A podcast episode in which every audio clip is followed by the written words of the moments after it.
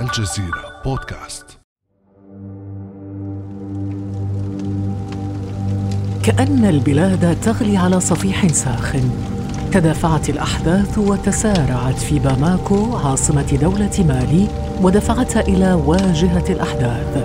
ثم انفجرت الأوضاع وخرج الجيش الذي كان بعيدا نسبيا عن المشهد ليجبر الرئيس أبو بكر كيتا على الاستقالة.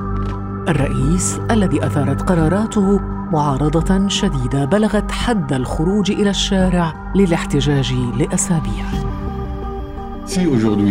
إذا كان قرار أفراد من الجيش أن هذا الوضع يجب أن ينتهي بتدخلهم فليس لدي خيار آخر سوى الرضوخ إلى ذلك. لأنني لا أريد إراقة أي قطرة دم مقابل بقائي في السلطة. أريد أن أشكر الشعب المالي لمرافقته لي خلال هذه السنوات وأبلغه باستقالتي من كل مناصبي انطلاقا من هذه اللحظة مع ما يترتب على ذلك من حل للجمعية الوطنية والحكومة. بعد خطاب الاستقالة ظهر طابور من السيارات تحمل الرئيس المستقيل كيتا وبعض معاونيه إلى وجهة مجهولة. ليخرج الجيش بعد ساعات بخطاب آخر معلنا سيطرته على البلاد. نحن القوات الوطنية المجتمعة داخل اللجنة الوطنية لإنقاذ الشعب. قررنا تحمل مسؤولياتنا أمام الشعب وأمام التاريخ لضمان بقاء الدولة. فما الذي يحدث في مالي؟ وما الذي أدى إلى هذا الانقلاب العسكري؟ وهل تغير فرنسا التي يتواجد جنودها على الأرض المالية موقفها من الانقلاب؟ ماذا عن دول الساحل والمنطقة المغاربية؟ ومن الرابح الأكبر من انقلاب العسكر في مالي؟ بعد أمس من الجزيرة بودكاست أنا خديجة بن جنة.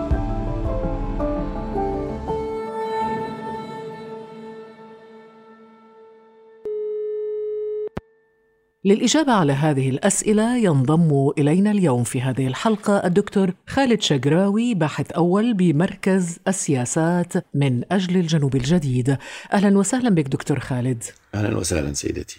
دكتور خالد شجراوي عندما نتحدث عن مالي نتحدث عن دولة يعني جيوسياسيا ماذا تمثل بالنسبة لدول الجوار وبالنسبة للعالم؟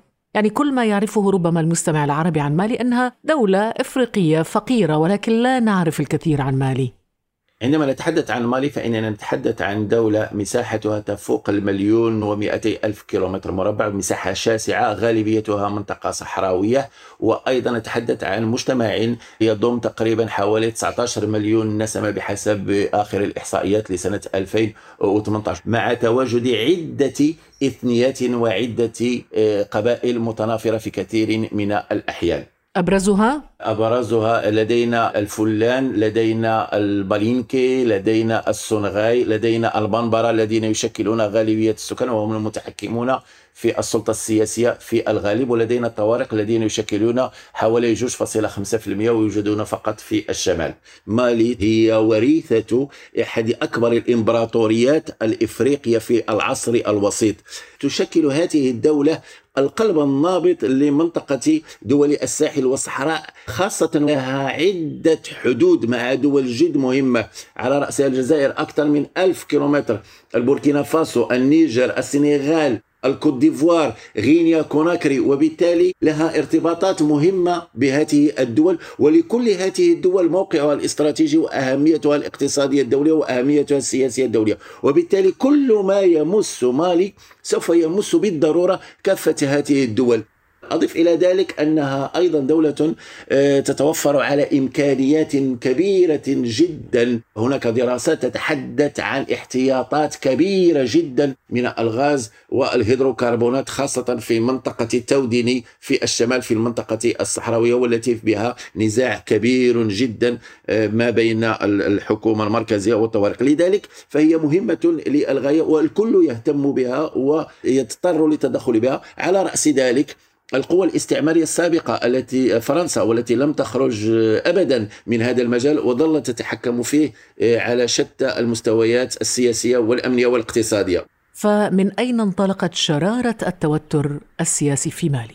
هو مشكلة دولة مالي يرجع إلى مرحلة أبعد من حكم الرئيس إبراهيم بوبكر كيتا وخاصة مرتبطة بما وقع في هذا البلد ابتداء من سنة 2011 و2012 وخاصة في عهد حكم الرئيس السابق أحمد توماني توري وخاصة في مرحلة الهجوم من لدن جماعات جهادية على بعض المراكز في الشمال وارتباط ذلك أيضا بحركات انفصالية في الشمال وهي حركة الطوارق في أزواد كل هذا أدى إلى شكل من أشكال الاضطراب الكبير والخطير في هذا البلد أدى إلى انقلاب عسكري ضد اتيتي ضد أحمد التوماني توري وأدى بعد ذلك إلى إعادة استتباب الأمور ابتداء من سنة 2012 ثم في سنة 2013 وقعت انتخابات ديمقراطية استطاع بواسطتها الرئيس إبراهيم بوبكر كيتا آه، الوصول إلى السلطة. طبعا هذه الديمقراطية لم تنجح. المشكل في مالي ليس فقط المشكل الديمقراطي ولا الدستور 92 الديمقراطي ولكن أن الحكامة الجيدة لم تسر ظل الوضع الاقتصادي جد هزيلا بالنسبة للدولة المالية رغم المصادر الكبرى لهذه الدولة هل إذا يمكن أن نقول أن الفقر أطاح بهذه التجربة الديمقراطية؟ الفقر بالأساس ربما هو الأهم مشكل بالنسبة لهذه الدولة والمشكل الثاني هو انعدام الحكم الرشيد جعلت أن الشعب يثور دائما على السلطة. ثم هناك مشكلة تدخلات الأجنبية أيضا. الوضع في مالي في تلك الفترة كان يتميز بهشاشة أمنية هشاشة عسكرية. منذ سنوات على الرغم من أن هذه التجربة الديمقراطية في ذلك الوقت كانت تعد ربما مثالا للدول الإفريقية بعد الإطاحة بحكم موسى تروري سنة 1991 ما الذي حدث بعد ذلك دكتور خالد؟ المشكل أن الوضع الاقتصادي لم يتطور بشكل أساس بحكم أن القطاعات الحيوية وخاصة القطاعات المعدنية النفيسة في هذا البلد ظلت تسيطر عليها الشركات الأجنبية وخاصة المرتبطة بالأساس بالمستعمر السابق فرنسا وأيضا بعض القوى الغربية الأخرى وبعض القوى الآسيوية مثل الصين التي تدخلت بشكل كبير في هذا النطاق. هذا في الجانب الاقتصادي ولكن هناك جانب أمني يتعلق بضعف الحكومة المركزية والمجموعات المسلحة من الطوارق والتي تطالب باستقلال منطقة أزواد. ماذا عن الجانب الأمني؟ الجانب الأمني معقد على مستوى حضور جماعات جهادية في هذه المنطقة وارتبط أيضا بسقوط نظام القذافي وتدفق الأسلحة على هذه المنطقة. يعني الفوضى التي حصلت في ليبيا بعد الثورة أثرت على الوضع في مالي. بالضرورة ما حدث هو الكل في منطقة الساحل يرجع المشكل بالأساس إلى سقوط نظام القذافي والفوضى التي عابتت في هذا المجال، لكن يجب أن نعترف بأن المشكل أيضا قائم داخل الدولة المالية. كيف تطورت الأمور إلى أن تعقد الصراع بين النظام والمعارضة لتصل الأمور إلى حد تدخل الجيش لإجبار الرئيس إبراهيم أبو بكر كيتا على الاستقالة. في الحقيقة كان وصول آه، إبراهيم بكر كيتا إلى السلطة نذيرا مهما بالنسبة للماليين وكانوا ينتظرون منه الشيء الكثير على ثلاث مستويات. المستوى الأول وهو دعم التجربة الديمقراطية. المسألة الثانية تدبير المجال الاقتصادي وإعادة هيكلة الجيش والأنظمة الأمنية العمليات الجهادية في هذه المنطقة. لكن الجيش بما أنه هو من قام بهذا الانقلاب آه، دكتور آه، خالد شقراوي قبل الانقلاب ماذا كان الدور أو طبيعة الدور الذي كان يلعبه الجيش في مالي؟ هو جيش ضعيف للغاية. غير مسلح غير مهيكل وغير منظم ولا يستطيع فرض وجوده على الساحة المالية. إن فقط على مستوى العمل العسكري.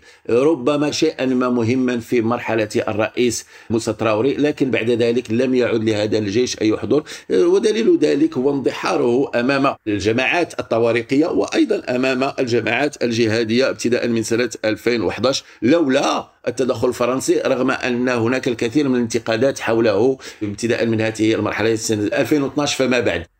المشكل الثاني أيضا أن هذا الجيش مثله مثل جميع المؤسسات الاقتصادية والسياسية في هذا البلد تنخره مشكلة الرشاوى واستغلال النفوذ بشكل كبير. وهذه المسألة هي من الصفات الخطيرة في المجال المالي. نعم وهناك سعي دولي لإعادة المدنيين مرة أخرى إلى الحكم. دكتور لو تابعنا مثلا ردود الفعل الدولية سنجد ربما فرنسا الأولى في التعبير عن رد فعلها من هذا الانقلاب. مثلا الرئيس الفرنسي إيمانويل ماكرون في تغريدة له قال إن مكافحة التنظيمات الإرهابية والدفاع عن الديمقراطية ودولة القانون لا ينفصلان ودعا إلى إعادة السلطة إلى المدنيين وتحديد مسار للعودة إلى النظام الدستوري وطالب أيضا بالإفراج عن الرئيس المالي ورئيس وزرائه.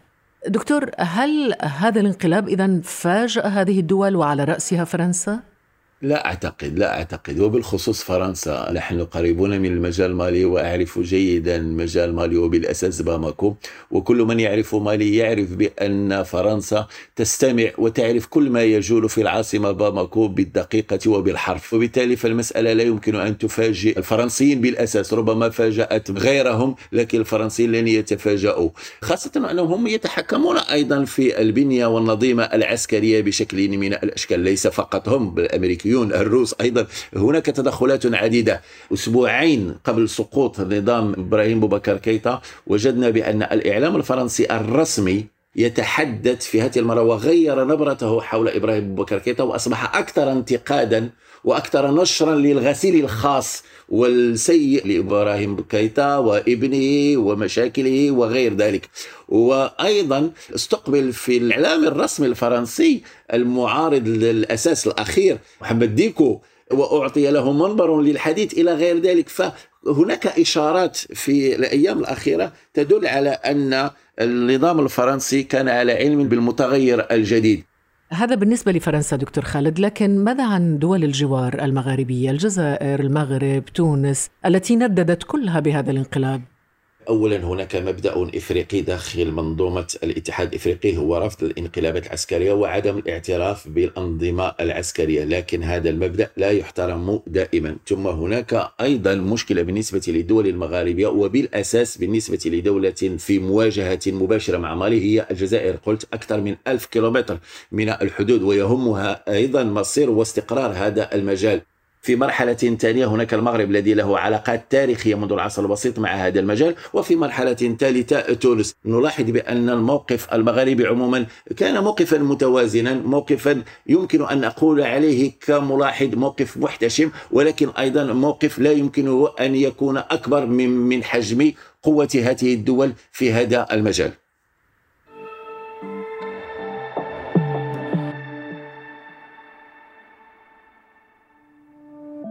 ابدأ بالاستماع الآن ولا تنسى تفعيل زر الاشتراك الموجود في تطبيقك لتصلك حلقاتنا اليومية فور صدورها. ابقى على تواصل مستمر مع الجزيرة بودكاست عبر صفحاتنا على فيسبوك، تويتر وإنستغرام. يفهم من كلامك دكتور خالد شقراوي أنه الدول المغاربية الجزائر المغرب وتونس كانت على علاقة جيدة مع الرئيس إبراهيم أبو بكر كيتا. كيف ستتعايش مع الانقلاب مع هذا الواقع الجديد هذه الدول؟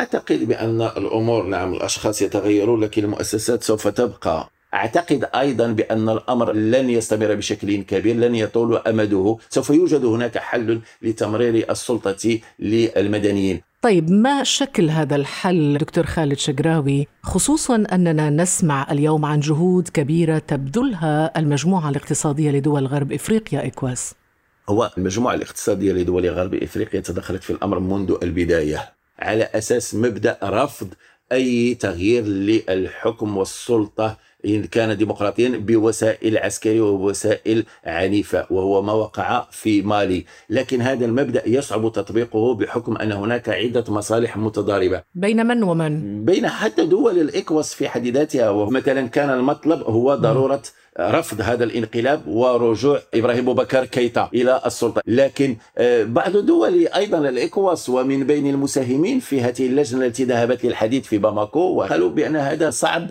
أن نفرض ذلك وبالتالي لا بد من إيجاد حل وسط. ولكنها فرضت ومارست بعض نعم. الضغوط دكتور خالد. مثلا غير الإدانة أغلقت حدود الدول الأعضاء في المجموعة مع مالي علقت عضوية مالي في المنظمة. ألا يكفي كل هذا؟ لا هي ضغوط وهي نفس الضغوط التي كان يجب أن يقوم بها أيضا الاتحاد الإفريقي الذي هو غائب عن المسألة ربما ترك العمل للاكواس وهذا شيء جيد. دكتور خالد عندما نتحدث عن الداخل المالي الآن بعد الانقلاب هل إمكانية تزاوج أو مغازلة خلينا نقول مغازلة الجيش للقوى المدنية للمعارضة هل هذا ممكن؟ خصوصا عندما نستمع إلى خطاب الناطق باسم الجيش وهو يوجه دعوة للمجتمع المدني ولمكونات الحركة الاحتجاجية يغازلهم بالقول؟ المجتمع المدني والحركة الاجتماعية والسياسية مدعوة للانضمام إلينا لنقوم معا بإيجاد أفضل الظروف لانتقال سياسي مدني يؤدي إلى انتخابات عامة تتمتع بالصدقية للممارسة الديمقراطية عبر خارطة طريق ترسي أسس مال جديدة دكتور خالد شقراوي إذا هل هذه اللقاءات بين الجيش وقوى المعارضة يمكن أن تؤدي إلى تحالف مدني مع الجيش؟ هو لحد الآن هناك توافق مدني مع الجيش بحكم أن كانت هناك مظاهرات والكل أضحى يرفض نظام إبراهيم بوبكر. كيتا وبالتالي الكل رأى في تدخل الجيش شيئا إيجابيا. ثم هناك تجارب في مالي لوصول الجيش ومغازلته للمدنيين والبحث عن حل وسط وتواتر السلطة ما بين العسكريين والمدنيين. إذا المسألة يعرف الماليون كيف يدبرونها. المشكل حاليا هو أن لدينا معارضة قوية كبيرة. نعم تعاني من التشتت.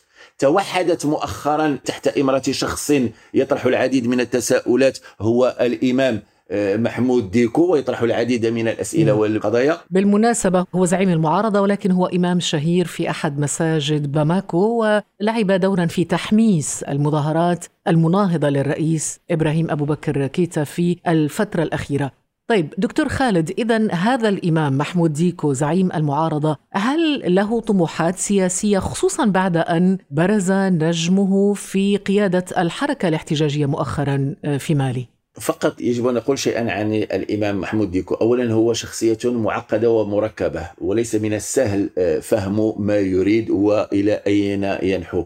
آه، هذا الشخص هو إمام نعم لكن توجهه هو غير توجه المجتمع المالي. المجتمع المالي توجهه مثل المجتمعات المغاربية في شمال إفريقيا. توجه مالكي هم على المذهب المالكي. هو تقريبا على المذهب الحنبلي خاصة وأن دراسته كانت في السعودية لمرحلة من المراحل يقال عنه بأن توجهه سلفي.